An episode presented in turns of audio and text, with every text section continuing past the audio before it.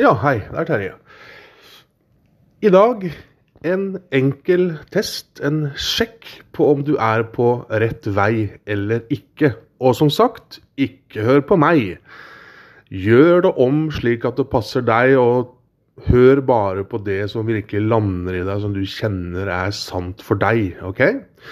Men testen er veldig enkel. Det handler om i hvor stor grad du skylder på andre.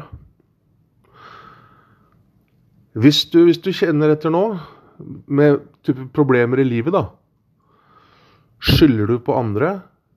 Er det andres feil? Eller er du flink til å se realiteten at du skaper din tilværelse og ditt liv? Nå er det noen få unntak fra den regelen om at vi alle skaper og er ansvarlig for vår situasjon og våre liv. Den er 98% riktig. Men det kan skje ulykker, og det kan skje ting som du overhodet ikke uh, hadde skyld i. Men sånn i livet generelt, så er det en, en, sannhet, opplever jeg i hvert fall. Jeg skaper og er ansvarlig for min situasjon og mitt liv.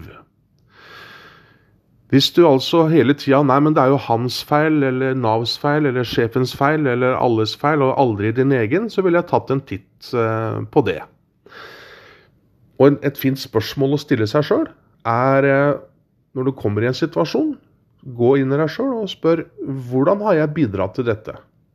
Du har sikkert ikke gjort det aleine. Du har sannsynligvis kanskje skapt hvis det er mellom to personer, da, skapt denne floka sammen med andre. Men altså, du er da eh, medskyldig, da, for å bruke et negativt ord.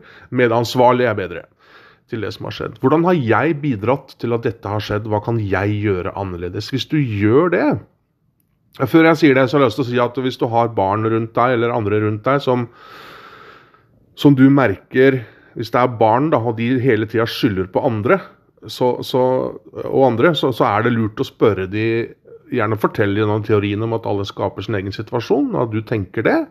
Hva tenker de om det, og hvordan har de bidratt til å havne i situasjonen? Ikke sant? At vi klarer å hjelpe folk litt, uh, litt videre. Men poenget er når du hele tida sier 'det er ikke min skyld', det er ikke min skyld, så gir du fra deg på en måte makten i livet ditt. Du gir fra deg um, styringa. Du blir som en sånn værhane som bare Nei, men det var han, og det var hun, og det var Nav, og det var sjefen, og det var jo sykdommen min, og det er jo ikke min feil, så hele tida snur du etter hva du mener andre har gjort da. Så ved å stoppe opp og si nei, dette har jeg bidratt til sjøl på en eller annen måte, i de aller fleste tilfellene så tar du tilbake kontrollen. For da kan du gjøre noe med det. Ikke sant? Da kan du tenke at dette skal jeg ta tak i. Eh, hvis du hele tida skylder på andre, så er du kraftløs, da. Da er du bare et offer for hva andre måtte finne på å gjøre. Og sånn er det ikke, altså. Det er du som styrer. Du sitter ikke i baksetet, egentlig i, i ditt eget liv. Du sitter bak rattet. OK, snakkes om en uke.